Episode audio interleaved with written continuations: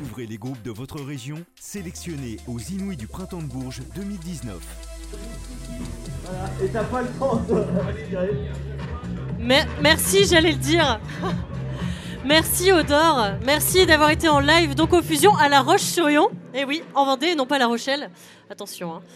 Parce qu'en plus on est en Pays de la Loire et La Rochelle c'est même pas en Pays de la Loire. Euh, donc là vous êtes euh, peut-être en train de nous écouter sur une des radios du coup de la FRAP, la Fédération des radios associatives de Pays de la Loire. Et donc c'était Odor qui est là dans le cadre des Idouis du Printemps de Bourges. Et merci, enfin je sais pas toi Patrick, mais moi j'ai bougé, euh, j'ai shaké mon bouti. Oui, oui, oui, oui, surtout sur la fin. Chloé, je pense que l'ambiance commence à, à venir pour cette soirée de sélection. Ouais. Euh, tout le monde s'est laissé embarquer, bah, euh, même Odor, puisque voilà, il s'est laissé embarquer jusqu'à jusqu'à La Rochelle. Ouais, jusqu'à La Rochelle, c'est vrai. Je suis temps, vraiment ça- désolé. hein. ça a rayonné. Franchement, c'est la première fois que ça m'arrive aussi.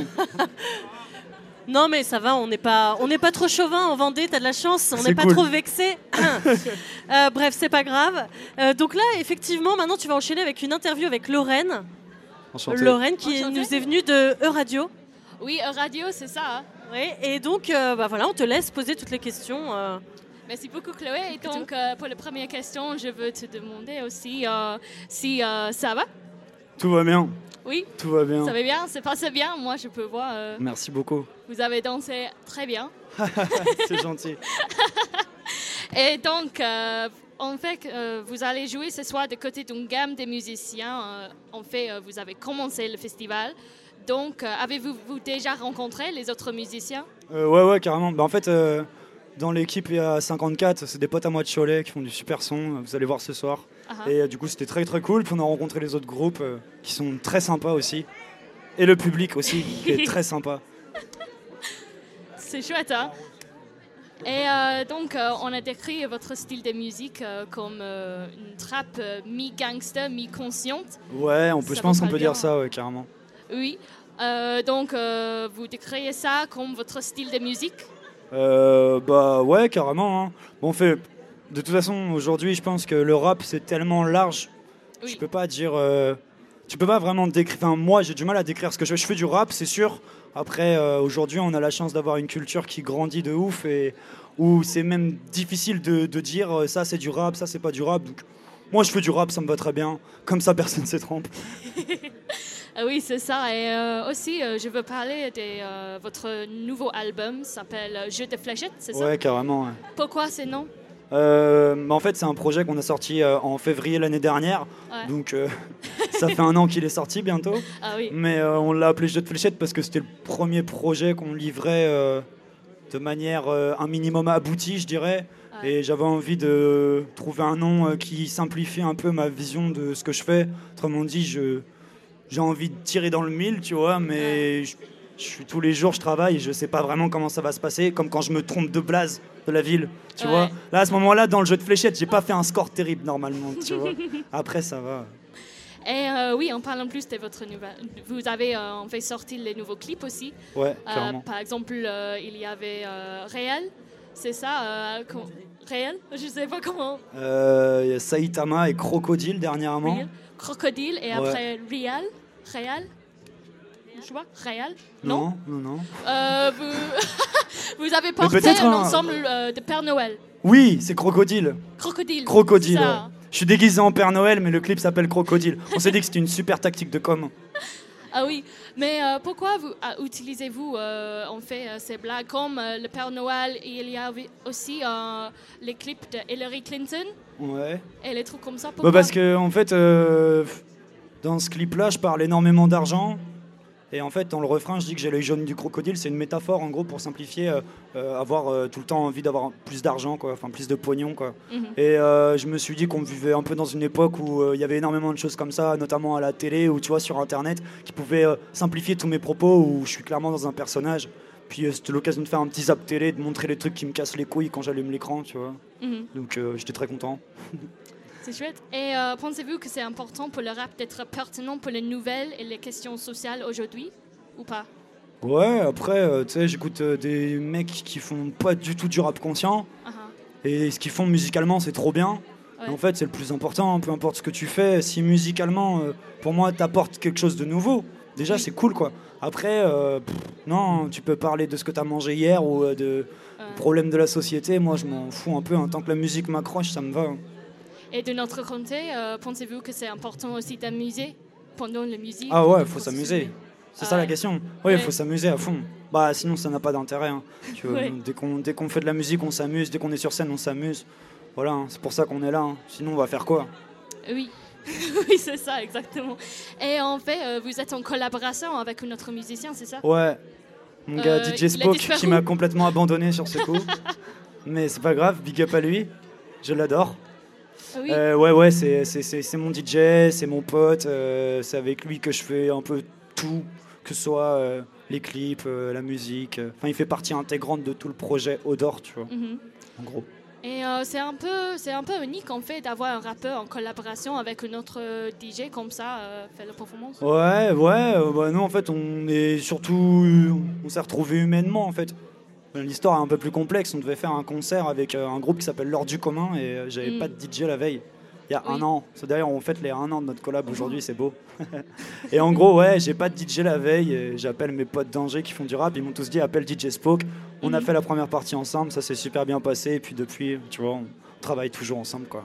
Oui. Et en parlant des Angers, euh, c'est vraiment, euh, euh, vous représentez le rap local d'Angers, c'est vraiment ça? Ouais, là euh, j'ai testé un nouveau truc. D'habitude j'ai un gros pull AGS qui c'est un, sigle pour parler d'Angers, tu vois. Oui. Maintenant j'arrive avec un nouveau projet où l'identité est moins euh, street, tu vois, plus euh, costard euh, comme un employé de bureau, tu sais. Mais ouais, je suis clairement, je suis d'Angers, ça me fait plaisir de le revendiquer parce que je trouve qu'aujourd'hui, on s'en bat encore une fois, tu vois, on s'en fout un peu d'où les gens viennent et je trouve ça presque rigolo de pouvoir l'assumer complètement plutôt que de dire je suis de, je sais pas moi, de l'Ouest. Non, je suis d'Angers, faut pas se mentir. Mais je suis de l'Ouest quand même. Oui. Euh, nous avons plus de temps ou non? Oui, Lorraine, si on a encore le temps, si si tu as encore des questions, Oui, oui, j'ai encore des questions. vas-y, vas-y, hein. vas-y, shoot. Et pas shoot vraiment. Euh, donc, ouf. Euh, donc euh, vous avez juste joué en fait en Rennes. C'est bien passé? Ouais, ouais, c'était très bien. ouais. Alors, c'est Oui. pas le seul concert qu'on a fait, heureusement pour nous. Ah oui, oui, bien mais, sûr. euh, mais ouais, ouais, ça s'est très bien passé. On a fait une date Mhm. avec euh, Gringe, qui est un des rappeurs des Casseurs Flotteurs avec Orelsan. Et c'était euh, super, euh, super accueil, tout nickel. Je me suis pas planté de blaze quand j'étais sur scène pour Ah ouais. la ville, donc ça va. Allez. Alors, moi, je- oui, c'est bon. Euh, J'ai une question euh, faussement naïve, hein, mais est-ce que. euh, parce qu'on on a souvent quand même cloisonné le rap en termes de, style musical. Est-ce que pour faire du rap, il faut écouter du rap Ou pas que Ou qu'est-ce que- qu'est-ce qui t'inspire? Pour faire du rap, il faut écouter. Bah, non, je sais pas. C'est vraiment, je te dis, hein, c'est un style de musique comme un autre. C'est comme la vie, hein, plus c'est simple, plus ça le fait. Les gens, ils font ce qu'ils veulent. euh, ils écoutent du rap en faisant du rap, ils en écoutent pas, ils en font quand même. Je pense que c'est important de pas surécouter les autres, tu vois, pour essayer de vraiment faire un truc personnel, que tu fasses du rap ou euh, de la musique classique. Après, euh, non, il n'y a pas de. Moi, j'écoute un peu de rap. J'en écoute peut-être moins qu'avant parce que c'est vrai que j'ai compris un peu ce truc-là, que c'était important que je me façonne tout un personnage et que plus je me concentrais sur ce que je fais moi, plus j'ai tendance à être plus proche de, de ma créativité personnelle, tu vois. Mais après, euh, non, non, faut, faut kiffer, hein, c'est le principal. Et justement, ce que tu fais toi, c'est euh, donc t'écouter un peu de rap, mais et quoi d'autre? C'est quoi tes inspirations euh? Euh, en ce moment, j'écoute pas mal de, de musique américaine. En fait là, j'ai écouté le dernier album de Travis Scott surtout, qui est assez impressionnant parce que en fait, c'est un gars qui fait du rap, tu vois, de base, et qui là, il a invité Stevie Wonder euh, à faire de l'harmonica sur, sur un morceau, quoi. Et c'est génial. Les gars, ils, poussent. euh, ils poussent vraiment la musique au-delà des frontières euh, qu'on peut avoir tendance à se mettre facilement, tu vois, et je trouve ça mortel, tout simplement. Après, j'écoute un peu de tout, de l'électro, du jazz, j'aime bien de temps en temps de la musique classique. en fonction des situations, on adapte. Oui, on a encore un petit peu de temps avant de, de retrouver Sami Fati qui se met en place là sur, euh, sur la scène. Euh, moi, j'ai été étonné en vous voyant arriver sur scène tout à l'heure avec vos belles cravates et vos belles chemises blanches. Ouais, Est-ce qu'il y avait un message? Ouais, complètement. C'est juste qu'on n'a pas encore assez de budget pour vraiment avoir des costumes d'employés de bureau. Du coup, bah, là, j'avais un peu de thune il y a un moment. Je suis allé à Zara, j'ai trouvé un petit costard. Comme ça, boum, si j'ai un mariage, ça passe aussi. Ça passe aussi. Donc ouais, euh, normalement. Si je vais dans le train et que j'ai pas mon ticket, peut-être ça passe aussi. Ça tu vois. passe mieux. D'accord. Faut que je mette le manteau, sinon. Mais ouais, il y a peut-être moyen de faire un truc. Et, et comment se fait le, le- le process autrement euh, de, de création musicale entre vous deux justement avec euh, DJ Spock? Parce que c'est pareil au niveau de- du beatmaking, c'est assez varié. Merci, Euh, c'est il gentil. N'y a pas que de la musique euh, boom bap ou euh, Ouais. typiquement rap, etc. en fond sonore, on l'a vu à la fin. Et comment vous faites les choix? Est-ce que vous les faites tous les deux? Est-ce que c'est lui qui te propose quelque chose? Co- Comment vous, vous créez finalement? Il n'y a pas vraiment de règles, honnêtement. C'est très spontané. On essaye toujours de faire un truc spontané. Des fois, on se retrouve parce qu'on a de- besoin de faire du son de manière compulsive, tu vois. Puis il y a d'autres fois, moi, je reçois euh, des ébauches de prod d'amis à moi ou de mon ingé son, Excel aussi, avec qui on travaille des fois. euh. Et puis voilà, hein, c'est. On essaye en tout cas de ne, ne jamais s'infliger des temps de travail, tu sais, comme, comme dans, un- dans. Enfin, moi, j'ai fait des tafs avant de faire de la musique, tu vois. Et j'avais un problème avec euh, ce côté qui est, qui est la routine, tu vois. Euh, tu sais que le lundi, tu te lèves à telle heure et tu dois faire ça. Et le mardi, c'est ça, tu vois. Et du coup, c'est vrai que dans la musique, on essaye de pas du tout être dans une, euh, une habitude, tu vois, ou quelque chose. Toujours, on fait au, au plus simple. euh, voilà, là, on a envie d'en faire, on en fait. On travaille avec d'autres gars, on travaille avec Spoke, mais voilà, pas que lui. Et puis, euh, des fois, c'est des collaborations entre plusieurs beatmakers, comme Saitama, c'est euh, trois beatmakers plus un bassiste. Bah, euh, écoute, je te, je je propose d'écouter un autre beatmaker qui joue d'un instrument un petit peu curieux dans, dans le beatmaking, mélangé Yes. avec les musiques électroniques. C'est le violon avec Sami Fati qui va nous rejoindre maintenant sur euh, la scène euh, du Fusion ici à La Roche-sur-Yon pour son audition.